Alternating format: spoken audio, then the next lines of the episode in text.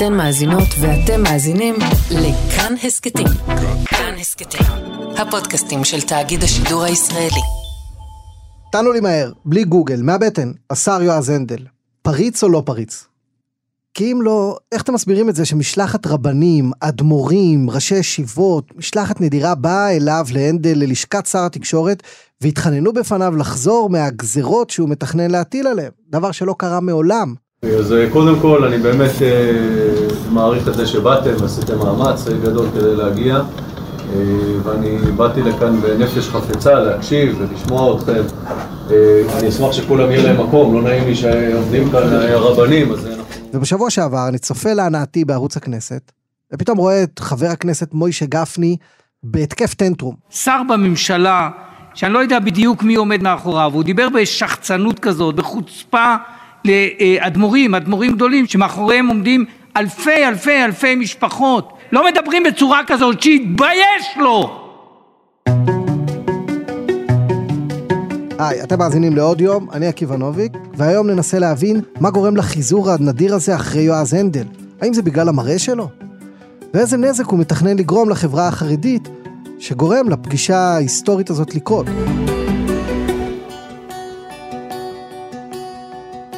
איתנו המומחה לפריצים שלנו, יאיר רטינגר, אהלן.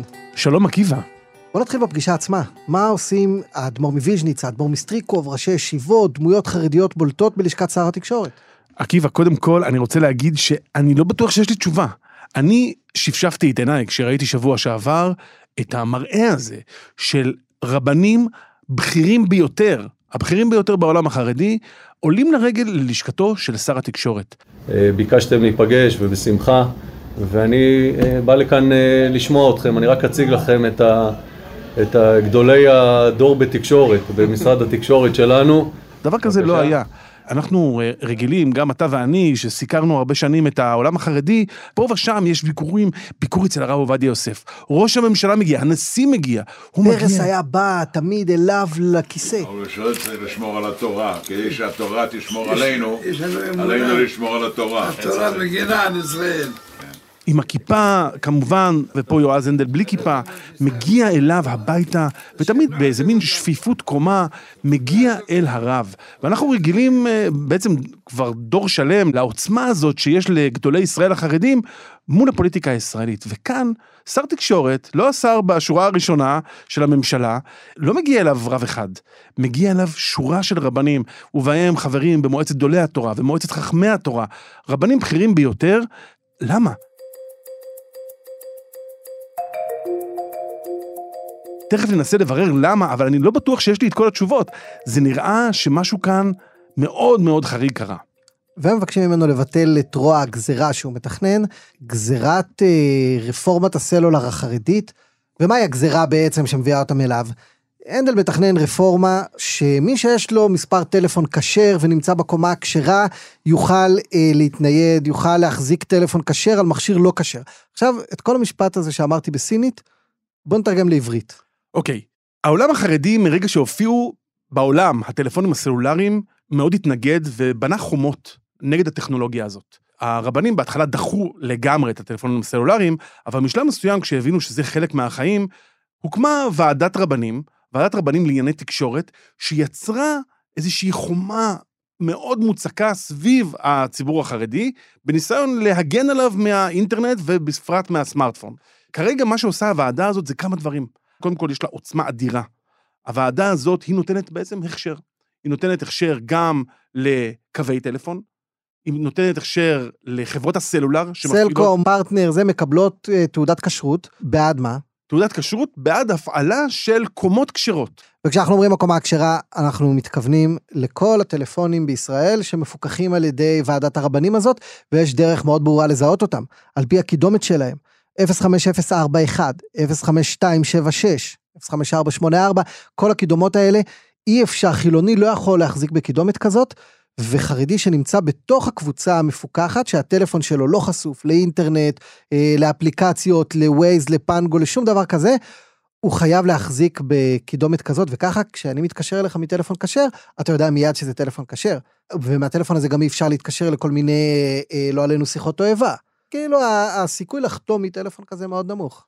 יש כאן פיקוח גם על קווי הטלפון, על קו הטלפון הכשר שאתה מחזיק, גם על מספרי הטלפון שתוכל להתקשר אליהם מהקומה הכשרה, גם על חנויות הסלולר, גם שם יש הכשרים מיוחדים, זאת אומרת, חנות סלולר שמוכרת מכשיר לא כשר, לא תוכל להחזיק בהכשר הזה, היא תוכל להחזיק אה, בהכשר רק אם היא מוכרת אך ורק טלפונים כשרים, וגם היא נותנת הכשר למכשירים מסוימים. זאת אומרת, יבוא של מכשירים מסוימים, של חברות מסוימות, של יבואנים מסוימים, הם שמקבלים את ההכשר. זאת אומרת, העבודה הזאת מחזיקה בכוח מאוד מאוד גדול על הציבור החרדי, אבל זה כוח שצריך להגיד, הציבור החרדי, לפחות עד גבול מסוים, מעוניין בו, מעוניין במגבלות האלה, שהטלפונים האלה יהיו בעיקר לשיחות, או כמעט רק לשיחות, לא לשימוש לאינטרנט, לא לשימוש לוואטסאפ, לדברים האלה, לאפליקציות, לא, אבל כן לשימוש לתקשורת בסיסית ביותר. בעצם אתה נמצא ב offline, אתה עצרת את ההתקדמות הטכנולוגית איפשהו בנוקיה 5120,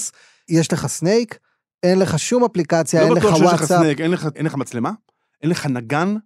הטלפון הזה אמור לשמש לשיחות בלבד. הוא גם מסנן לך את אפשרויות התקשורת לעולם, אבל הוא גם מסמן אותך. ברגע שאתה מחייג אליי מטלפון 05041, אני יודע שאתה חרדי, אני יודע שאתה בסדר. למה זה חשוב? זה חשוב, למשל, אם אני רוצה לקבל את הבן שלך או את הבת שלך למוסד חינוכי. אז אני ממלא כל- את הטופס צורת התקשורת- וכתוב טלפון הורה אחד בטופס, אני שם טלפון כשר, ואם שמתי מספר אחר, אז אה, יכולים לא לקבל אותי. בדיוק, וקלטתי את היציאה. על ההורה אחד, אבל אני רק רוצה להגיד שהדבר הזה הוא גם תעודת זהות. הוא תעודת זהות, אני חרדי. והדבר הזה הוא מאוד מאוד חשוב לוועדת הרבנים לענייני תקשורת, כמשהו שמסמן אותנו גם בתוך הקהילה. את הדבר הזה כרגע יועז הנדל, מטעמים אה, מוצקים מאוד, רוצה לשנות. מבקש יש- לעקור. למה הוא מבקש לעקור? מה קורה לבן אדם, אם למשל הוא גדל בעולם החרדי, הוא גדל בישיבה, אבל היום הוא כבר יצא לעבוד, או אולי אפילו התפקר, והוא עדיין רוצה להחזיק במספר הטלפון הקודם שלו באחת מחברות הסלולר, קם ומתנייד. נכון? אנשים יכולים להתנייד בין חברות סלולר. במקרה הזה, הרבנים עומדים על זה שזה לא יקרה. זאת אומרת שמי שהוא מחזיק באותה תעודת זהות חרדית, שהיא הקומה הכשרה, לא יוכל להתנייד, לא תוכל לצאת החוצה עם המספר הזה, מכיוון שהמספר הזה הוא מייצג משהו.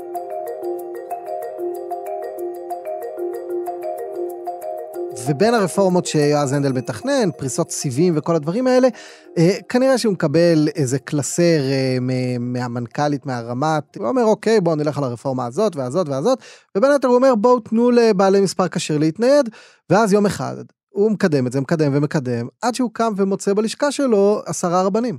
הטלפון הכשר הוא באמת סוג של גטו, סוג של בריחה מהעולם הגדול לתוך, לחיות בתוך עצמנו. הציבור החרדי, גדולי ישראל באו לפה להגיד אנחנו רוצים בזה, אנחנו נעשה הכל כדי להמשיך את זה, ואנחנו מודים לכבוד השר ש...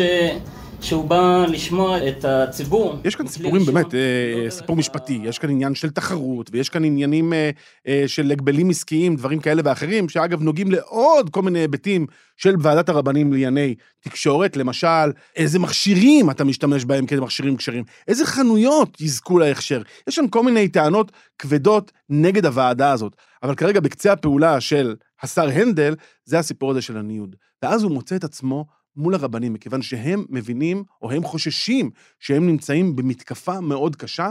זאת לא רק מתקפה על הקומה הכשרה, או על איזה משהו טכני, זאת מתקפה בעיניהם, מתקפה על החרדיות. ואני חייב לכפור ולשאול אותך, זה מה שמגדיר את החרדיות. להמון חרדים שאני מכיר יש שני טלפונים, אחד כשר ואחד טרף.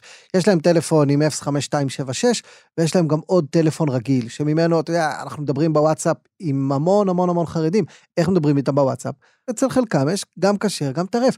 זה פח השמן הטהור שעליו יוצאים למלחמה. על זה לראשונה ב-73 שנים הגיע האדמו"ר ללשכת רב? חד משמעית כן. זאת תמצית החרדה החרדית. אתה יודע, במשך 73 שנותיה של מדינת ישראל, היו פה הרבה מאוד מאבקים, הרבה מאוד מאבקים על החומות החרדיות. הח- החרדים לא רצו קולנוע בפתח תקווה, הם לא רצו קולנוע בירושלים, הם לא רצו... שייסעו בכביש בר אילן לא- בשבת. תוכנית ליבה, על כל דבר בעצם הוא נוגע לחומה החרדית. אני חושב שאין דבר שמאיים על החומה החרדית יותר מהסמארטפון. בעבר היו, היו מהומות אדירות על דברים שהם נראים היום קטנים מאוד. אני נוגע כרגע, אני מרים את הסמארטפון שלי. בסמארטפון יש הכל. הסמארטפון יש בו אפליקציות, יש בו ידע, יש בו מידע, יש בו אפשרות לגלוש באתרים לא צנועים, כמעט כל חטא מתחיל בסמארטפון. גם חטא וגם אפשרויות. זאת אומרת, הדבר הזה, הוא פותח את העולם, הוא משנה את העולם. עכשיו, בוא נגיד רגע משהו אה, שגם עלה בפגישה הזאת בין אה, הנדל לבין הרבנים. הסמארטפון הוא משנה את האנושות, הוא לא משנה רק את החרדים. הוא אתגר מאוד גדול לכולם, לכל מי שהוא אבא, לכל מי שהוא בעצמו מחזיק במכשיר הזה. החרדים מבחינתם, הם אומרים ליועז הנדל, תשמע, מבחינתך הדבר הזה הוא גם איום. אתה רוצה שהבן שלך בן עשר יראה את התמונה הזו? מה זה קשור לדת? זה א' ב' של אנושיות. חופש החשיפה ל- ל- ל- לכל מיני סוטים. יועז הנדל אומר את זה, אני גם על הילדים שלי חושש. בניגוד למה שאמרו פה כמה, אני לא חושב שילדיי, אני דואג להם פחות מאשר אתם דואגים לילדיכם וכן הלאה. אני, תאמינו לי שאני דואג להם אותו דבר. אבל הם אומרים לו, אה, מבחינתנו זה אסון. חיים. ברגע שהסמארטפון יגיע לחברה החרדית, זה אסון. עכשיו, אתה צודק שיש הרבה מאוד אנשים שמחזיקים שני מכשירים. כבר יצאו מהחומה בסתר. נכון, אבל יש גם הרבה מאוד אנשים שלא מחזיקים את השני מכשירים האלה, והם באמת נשמעים לרבנים, והם באמת הולכים בתלם, במיוחד בגילאים מסוימים, בשלבים מסוימים במוסדות החינוך, והשליטה עליהם היא שליטה מלאה. וכרגע הרבנים האלה, הם מאוד חוששים שהשליטה הזאת הולכת ונמסה, ושכל הגיהנום מתפרץ אליהם אל תוך הבית.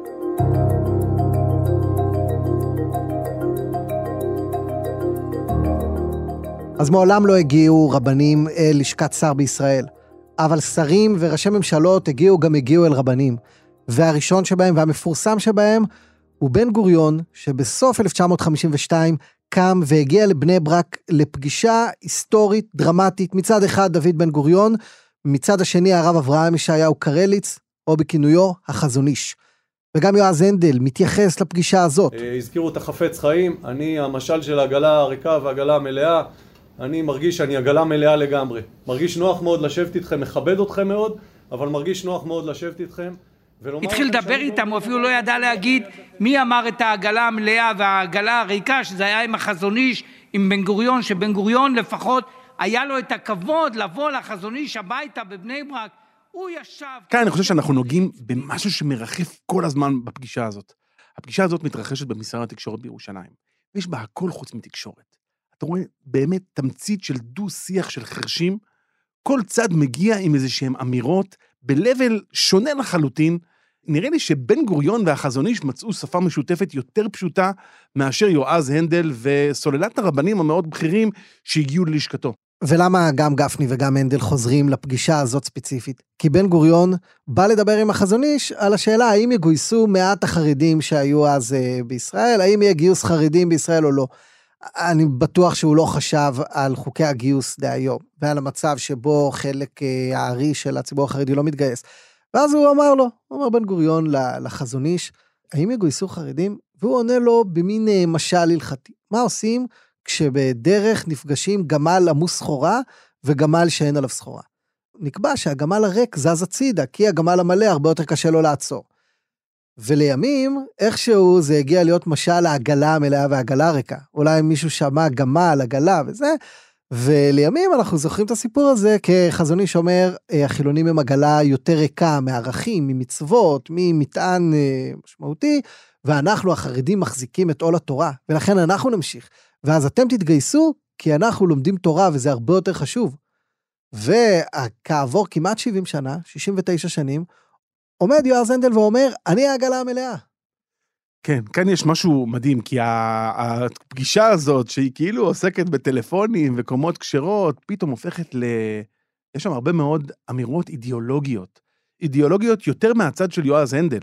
וצריך להגיד שיועז הנדל, שזכה פה לאיזשהו כבוד מטורף, כן, או שלא זכו לו, שבן גוריון לא זכה לו, מגיע ומדבר אל האדמו"רים בצורה מאוד, אה, הייתי אומר, אה, ישירה, אה, אולי על גבול הפטרונית. זכוכה קצת. ואומר, אה, אני לא, אני לא עגלה ריקה. והוא משתמש פה בהרבה מאוד אמירות על הקומנדו הימי, הוא מספר על, ה, על העבר שלו ועל מדינת ישראל ועל הצבא. גם אני מגיע ממקום שבו לא מתפשרים.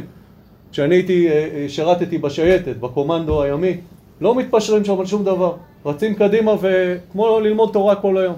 מסתערים כל היום, זה קשה. הוא מביא לשולחן הזה, שעושה כאילו בעניין אה, כלכלי, או עניין אה, בזוטות, צרכני. בזוטות צרכניות, הוא מביא שם את כל האידיאולוגיה ומדבר על הוויכוח, מביא את הוויכוח הזה, היסודי, שבין הישראליות, הממלכתיות והחילוניות, הציונות. אל מול, והציונות אל מול החרדיות. אני ממלכתי, תפיסה ממלכתית, ותפיסה ממלכתית אומרת שאני דואג לכל אזרח ישראלי, בין אם הוא מהעדה החרדית, ובין אם הוא מצביע ש"ס, ובין אם הוא מצביע אגודה, למרות שהוא לא קשור אליי פוליטית. למה? כי הוא אזרח ישראלי, והוא אח שלי, ואני דואג לו. כן, ערבות הדדית. ממש, זה נוכח שם בכל הפגישה, ויש קטעים שבהם אתה, אתה אומר, רגע, רגע, מה קורה פה? על מה בעצם הם מנסים לדבר כאן? וזה כאשר הרבנים מצידם, הם מנהלים עם יועז הנדל איזשהו שיח מאוד רגשי. אנחנו מבקשים, כבוד השר, שיעמיק בעניין. לקבל את הדברים בצורה עמוקה מאוד מאוד. לא סתם. זה לא דברים, זה דברים מרטיטים את הלב. ברגע שחודרים לבתים שלנו ועוקרים את הדלתות באמצעות לוויינים ואנטנות וכבלים וסיבים, בשבילנו זה גזירת מוות. כן, אתה זוכר את פלדרמאוס? Hello and good evening. We are from the Israeli delegation and we wanted to, to ask for a favor. פלדרמאוס בא ואומר, רגע, רק שנייה, הוא מנסה לדבר אל הלב של אותם גויים, ואומר, רגע, תיתנו פה איזשהו פור למתחרה הישראלי, כי האם לא סבלנו מספיק? How do you not ashamed? You not see Schindler? All the television of the world watching us? You don't care! Haven't the Jewish people suffered enough? Haven't the Jewish people suffered enough? תרגע, פלדרמאוס, חבל על הנרבים. להבדיל אלף אלפי הבדלות, גם האדמו"רים מדברים ללב של יועז הנדל, אבל הם, הם לא מבקשים איזשהו פור, איזשהו יתרון במסלול הריצה, הם מבקשים להגן על מה שהם קוראים לו ציפור הנפש שלהם, על השמרנות שלהם. אומרים, לנו יש זכות לקיים את החומות האלה. אל תפגע בחומות האלה שאנחנו בנינו סביבנו. והם מדברים עליו אפילו בגוף שלישי, שזה דבר, זה, הרבנים האלה זה אנשים שכולם מדברים אליהם בגוף שלישי. ופתאום אחד הרבנים אומר, "אה, השר יחשוב ש... תודה רבה לשר אה, שבא לשמוע אותנו, זה דבר שעומד בציפור נפשנו. אחד הדברים הכי בולטים בהיעדר התקשורת בפגישה הזאת, זה העובדה שהרבנים, כמעט כולם, כולל האדמו"ר מוויז'ניץ, מדברים אל יועז הנדל בגוף שלישי. כבוד השר, השר יחשוב, השר יעשה, כבוד השר היקר, ויועז הנדל מדבר אליהם בגוף שני, ישר, ולא סתם אומר להם בגוף שני, הוא לא סתם פונה אליהם בגוף שני, הוא אומר להם, אתם יכולים להמשיך לטמון את הראש בחול, אבל אני יודע שלהרבה מהחרדים יש שני טלפונים. אומר להם ככה את כל האמת בפרצוף, בשפה מאוד מאוד ישראלית, מאוד ישירה. מאוד שי חי. קודם כל, אנחנו במציאות היום שרבים מה, מהחברה החרדית מחזיקים שני טלפונים, טלפון כשר וטלפון לא כשר. ב', אנחנו נמצאים במציאות שבה לפחות 50% מהחברה החרדית מחוברים לאינטרנט. אתם רוצים לטמון את הראש בחול, זה בסדר, אבל זו המציאות. איך זה שכל אה, שרי הדתות וכל השרים אה, החילונים מה- מהשמאל ומהימין, תמיד הייתה להם הרבה יותר יראת כבוד לאדמו"רים, ודווקא יועז הנדל, שגדל בציונות הדתית, והוא בתפיסתו העצמית הוא ציוני דתי. ודווקא הוא בא ואומר להם ככה, אני עגלה מלאה. תשמע, אני חושב, עקיבא, אם מסתכלים על הממשלה הזאת, שהיא כבר בת חצי שנה, תסתכל, אה, יש כאן איזשהו, אני חושב, קו אה, מאוד מעניין, שמחבר כמה שרים שגדלו בציונות הדתית, גם אה, מתן כהנא, גם הוא נוגע בציפור הנפש של דברים, עניינים דתיים, עניינים הלכתיים, כשרות וגיור, נושאים כאלה, וגם יועז הנדל, שאני חושב שיועז הנדל עושה משהו משמעותי אולי אפילו יותר, כי הוא נוגע בחרדיות, הוא שולח יד אל תוך החרדיות, ככה בעיניהם, ואני חושב שלא מקרה שגם שניהם, וגם אלעזר שטרן, ועוד... אה, עליזה פוליטיק- לביא ורחל עזריה ויהודה גליק. שהם כולם גדלו בציונות הדתית. ויש איזושהי האמירה הזאת, המתריסה, זה שהיא מגיעה מהחוגים האלה, אני חושב שזה מאוד מאוד מעניין ומאוד רוח התקופה. ומה שהחילונים לא מעיזים, הדתיים עושים. למרות שיועז הנדל הוא קצת נקלע לסיטואציה, הוא בכלל בא לעשות איזושהי רפורמה, אבל באמת אנחנו רואים שדווקא החילונים, חוץ מליברמן ואנשיו, רוב מוחלט של החילונים בישראל לא מעיזים למשוך את החבל כמו שהדתיים הלאומיים עושים. אני חושב שיש פה איזשהו תסביך, כי, כי קראו להם מזרוחניקים, וביזו אותם, אנשים כמו מתן כהנא ויועז הנדל, שמספרים בכנסת, שכבנו במערבים והתפללנו, הנחנו תפילין אה, כחיילים. הם אומרים, אנחנו נותנים גם את החרדיות וגם את החילוניות. אני חושב שלהם יש הרבה יותר אישיו עם, ה, עם החרדיות מאשר לחילונים.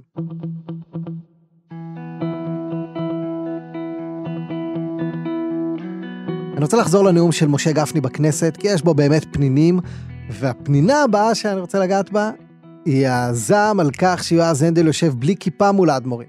הוא ישב כמו איזה פריץ, בלי כיפה, עם אדמו"רים, עם רבנים, עם המילים שהן נוראות. מי, את מי הוא... הגיע הזמן נראה לי, יאיר, שנעסוק במוסד הפריצים. מהו פריץ? מי הוא פריץ? מי רשאי להיקרא פריץ? מה זה בעצם פריץ? הפריץ הוא השליט, הוא השליט החיצון, הוא הכוח הזר ש, ששולט, אבל בעצם יכול לשלוט על גורלנו, ואנחנו, ציבור היראים, אנחנו צריכים להתמודד הרבה פעמים עם אה, להתמודד עם הפריץ. יש הרבה משלים והרבה סיפורים על הפריץ. שהיה, ב, אתה יודע, בערבות פולין וליטא. רוסיה ופולין, ו, ו, וה, ואנחנו צריכים להתמודד עם הדבר הזה. וכאן יש משהו מאוד מעניין במערכת היחסים, האם באמת זה פריץ? שאלת, פתחת ושאלת, האם באמת יועז הנדל הוא פריץ? אז הנה השאלה שאיתה פתחנו את ההסכת הזה, האם יועז הנדל הוא פריץ, מיד נדע את התשובה. אז התשובה נוגעת למי הם החרדים. אנחנו דיברנו על בן גוריון. כשבן גוריון הולך לחזון איש, המעמד של החרדים הוא הרבה, אבל הרבה, באופן דרמטי, יותר נמוך ממה שהוא היום. הם אלה שלא באו לפה בזמן, הם אלה שנספו באירופה, זאת הייתה תקופה שגם מעמד ניצולי השואה היה מאוד נמוך, האדמו"רים שלהם לא חזו את השואה, ואנחנו החילונים הבן גוריונים, זה אלה שאמרנו לכם, בואו איתנו לפלסטינה, ואמרתם לא, אנחנו נישאר פה, אז עכשיו אנחנו הקמנו צבא וניצחנו את מלחמת העצמאות, בן גוריון אפילו אומר לו, אתה יודע מה, וואלה, לא צריך אתכם, אתם העגלה המלאה, תשארו פה, תלמדו, ממילא לא באמת צריכים אתכם. כי החרדים אז היו אנדרדוג גם בתודעה שלהם, אבל גם בתודעה של בן גוריון. הוא אמר, אני בנדיבות לאנדרדוג, אני אשחרר להם קצת את הפטור הזה. הם באמת uh, עבד עליהם על הקלח מבחינה היסטורית, ברור לחלוטין שזאת קבוצה קטנה. הוא לא העלה על דעתו גם שהקבוצה הזאת תשרוד, גם שהקבוצה הזאת תגדל, וגם לא רק שהיא תהפך להיות חלק מהשלטון, היא הופכת להיות השלטון בישראל. יו"ר ועדת הכספים גפני, שר הבריאות ליצמן, אם הם היו רוצים ומוכנים, הם היו שרים בכירים כבר ממזמן. לגמרי, ובתקופת נתניהו במיוחד, החרדים הופכים להיות בשר מבשרו של השלטון בישראל. והם הממלכתיות החדשה בעצם. וכאן קורה משהו נורא נורא מעניין. מכיוון שאם אנחנו מדברים על פריצים, ובאמת היה משהו כל כך פריצי בסיטואציה הזאת, שהם מדברים אליו בגוף שלישי, והוא מדבר אליהם בגוף שני, ישיר ומחוספס, אפילו גס, אז האדמו"רים האלה, האם הם האנדרדוג עדיין? ואז יועז הנדל בעצמו מתייחס לסיפור הזה. ואני אומר לכם, אי אפשר לאחוז את המקל משני קצותיו. אי אפשר מצד אחד להיות אה, בפוליטיקה, ולהוביל, ולהנהיג, ואתם נמצאים בכל מקום ב, במרחב החיים הציבורי, ומצד שני, להגיד, המדינה אבל לא מתערבת. אני רוצה להסביר עוד קצת מה זה פריץ. חיפשתי בגוגל פריץ, מיד אה, זה הוביל אותי לדף בוויקיפדיה של אציל.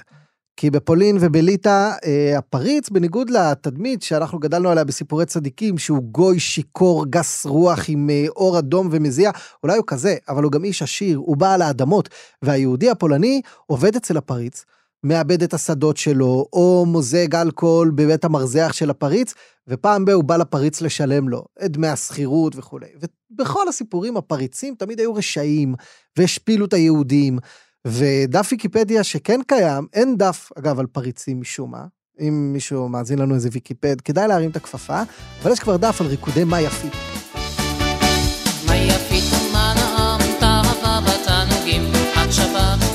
ריקודי מה יפית זה שיהודי בא להתרפס בפני הפריץ והוא נאלץ לרקוד את השיר הנודע, שיר השבת, מה יפית ומה נעמת, אהבה בתענוגים. עד היום, אה, כשבתוך מחנה הימין בישראל באים להגיד לעיתונאי ימני שהוא מתחנף לשמאל, אומרים לו, אתה רוקד מה יפית. אתה רקדן מה יפית. לי כתבו כמה פעמים, רוקד בפני הפריץ. ומהו הפריץ? הפריץ הוא הגוי הרשע שאתה בא אליו לבקש, נגיד, שיחכה קצת עם התשלום, שידחה לך את אה, תשלום הארנונה על בית המרזח.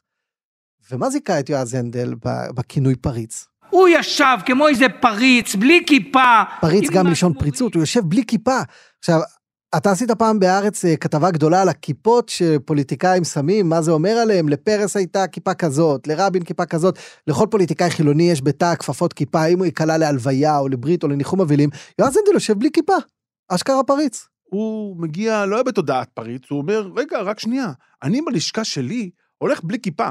אם זה היה בית כנסת, אם זה היה איזשהו אירוע דתי, הייתי הולך עם כיפה, אבל אין ספק שהוויזואליה כאן היא נורא נורא בולטת, שהוא יושב בלי כיפה, אבל צריך להגיד גם מהצד השני, כפי שפורסם בגלובס, הפגישה הזאת מתקיימת בלי נשים. לבקשת האדמו"רים, אין נשים, כל הנשים שמעורבות... לירן אבישר בן חורין, מנכ"לית המשרד, לא הייתה. לא היו. כל הצוות שיש בו הרבה נשים בצוות של יועז הנדל, הוצאו, התבקשו לצאת מהמשרד. זאת אומרת שאם יש כאן איזושהי סימבוליות, וברמה החיצונית של מהי הפגישה הזאת, ב, אתה יודע, ב, ב setting, בהוראות הבימוי, יש כאן גם אה, הישג לצד הזה, וגם הרבה מאוד הישגים לצד של יועז הנדל. ולמי אין הישגים? למוישה גפני וליעקב ליצמן. שהם היו לכאורה אמורים לבוא לפגישת השתדלנות הזאת. הם נציגי הציבור החרדי, יעקב אשר, אורי מקלב, היו אמורים לבוא בשקט בכנסת אל השר הנדל ולהגיד לו, תשמע, הרפורמה הזאת מדאיגה מאוד את הרבנים שלנו. ואולי, אני מסתכל בקטע של מוישה גפני, לא מקובל, אדוני היושב-ראש, דבר כזה אנחנו לא מכירים בציבוריות הישראלית. גם כאלה שחולקים וסבורים אחרת, לא מדברים בצורה כזאת, שיתבייש לו. לא מתאים להיות שר בממשלה, אפילו לא חבר כנסת. ומה מטריף את גפני? אני חושב האובדן הפוליטי, שהרבנים שלו פתאום הולכים לשר שהוא אה, מחרים אותו, הוא מחרים את ממשלת הזדון, הוא לא מוכן לדבר עם אף אחד, אה, ליצמן לא אומר שלום ליאיר לפיד במסדרון, ופתאום בא, באים הרבנים ועוקפים אותם. אבל יכול להיות, עקיבא, שגפני צדק. מכיוון שהפגישה הזאת, ככל הנראה, נגמרה בכישלון חרוץ מבחינתם של הרבנים. הם לא הצליחו לשנות את מה שהם רואים כרוע הגזירה, וזה ניוד המספרים הכשרים לקומות הלא כשרות. ומהבחינה הזאת, לא רק שהם לא השיגו את התוצאה, אלא שכמו שאומרים, כן, גם גורשו מהעיר וגם לא אכלו את הענבים, זה בדיוק מה שקרה כאן. בסופו של דבר, תמונות ההשפלה יצאו החוצה, וככה רואים את זה בציבור החרדי, וגם הרכבת של יועז הנדל תיסע. אז uh, יכול להיות שגפני מבין את המצב. מהו המצב? המצב הוא שהחרדים הם באמת באופוזיציה. הם באמת ירדו מהכוח, וזה אחד מהמחירים שמשלמים החרדים. אין שום ספק שאם הייתה נשארת ממשלה, אה, ממשלת נתניהו, או ממשלה בהשתתפות החרדים, ניוד כזה כנראה לא היה קורה, או הוא לא היה קורה בצורה שכל כך תאיים עליהם, הם היו יכולים לדבר באמת אל הלב של שר התקשורת. במקרה הזה, הם לא יכולים לדבר על הלב. גפני, שנשאר בבית, אולי צדק. ולמה גפני אה, מפריץ פה את יועז הנדל? כי הוא צריך פריץ.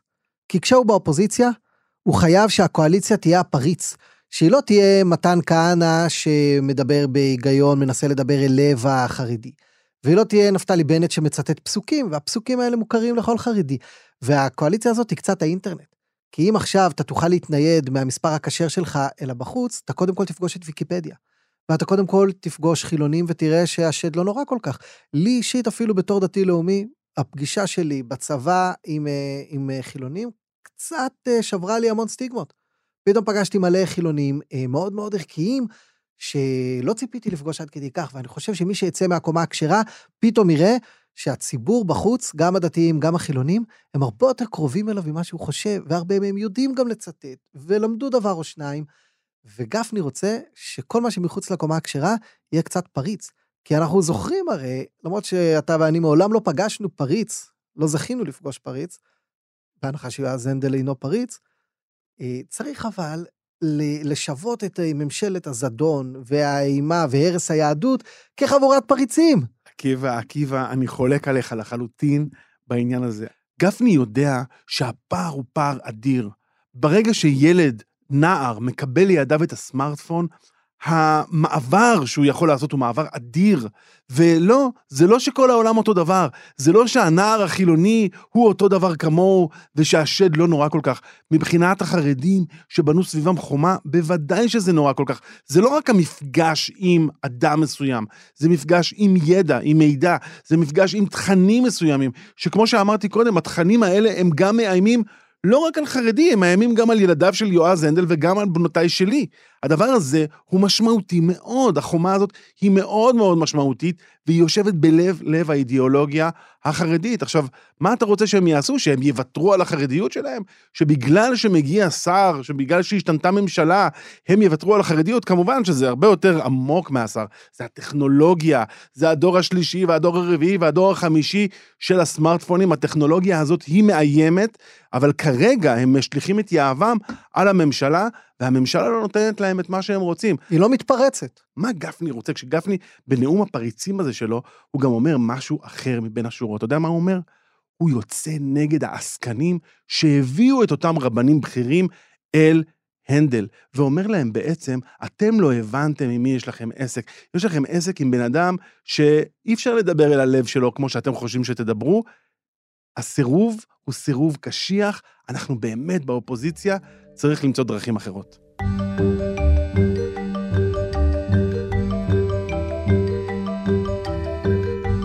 ולגבי השאלה שפתחנו בה, האם יועז הנדל הוא פריץ או לא, הבטחנו תשובה, צריך לתת אותה. אני חושב שהוא ההפך הגמור מפריץ. יועז הנדל הוא, הוא ציוסחי. הוא ציוני אדוק, הוא קורא לילדים שלו בשמות כמו סיני ותבור ונגב, הוא, הוא בוכה בהתקווה, הוא עושה פויקה, בתוכו שם פינג'אן מלא בקפה ושותה את הכל ביחד. הוא, הוא בדיוק ההפך מאותו בעל אדמות גוי שיכור בפולין שהיה לנו. כך בקצה השני של הסקאלה, את דמות היהודי החדש, את אה, מקס נורדו וכל מבשרי הציונית שחלמו על, אה, על דמות חדשה, הפריץ בקצה אחד, יועז הנדל בקצה השני. אז אני שוב אחלוק עליך, עקיבא, אני חושב שיועז הנדל הוא כן הפריץ. כן. כן, אני הגעתי למסקנה בעקבות הפודקאסט הזה שיועז הנדל הוא כן הפריץ, מכיוון שהפריץ יכול לפשוט וללבוש צורה. וברגע שהפריץ משפיע על גורלו של החרדי, הוא משפיע על החומות, החרדיות היא חרדה מאוד, ואין דבר שהיא חרדה ממנו כמו מהסמארטפון, ואם יועז הנדל הוא זה שיושב על השיבר, אז כן, הוא הפריץ, ובזה שהוא מתנהג אליהם בצורה שבאמת, והמרחק, באמת, הדו-שיח של חרשים כאן, אני חושב שהוא קצת פריצי. ולפעמים הפריץ יכול להיות גם כזה ששותה מפינג'אן. אז אתה אומר יועז הנדל הוא פריץ, אבל לא, פריץ זה לא מה שהיה פעם. הפריץ היום נוסע על אופניים, מיני שרים, ואתה יודע, מין מקגייבר כזה, אבל הוא יכול להיות עדיין פריץ. בפרק הבא אה, נשיק את המשחק פריץ או לא פריץ. יאיר אטינגר, תודה רבה לך. תודה, עקיבא. ותודה לכם שהאזנתם לפרק הזה של עוד יום. העורך הוא דניאל אופיר, עיצוב קול ומיקס עשתה רחל רפאלי, טל וניג איתנו כאן באולפן, תודה רבה לכולכם. אם היה לכם מעניין, נשמח שתשתפו את הפרק. אם יש לכם הערות על מה שאמרנו, ספרו לנו אם אתם חושבים שיועז הנדל פריץ או לא פריץ. אתם מוזמנים ומוזמנות לכתוב לנו בקבוצת כאן הסכתים בפייסבוק, או בחשבון שלי, עקיבא נוביק, בפייסבוק, טוויטר, אינסטגרם, מקושרים, מירק, מוטקה, ICQ, חבר'ה. אין לדעת מתי הם יהיו רלוונטיים. פרקים חדשים של עוד יום עולים בימי ראשון, שלישי וחמישי.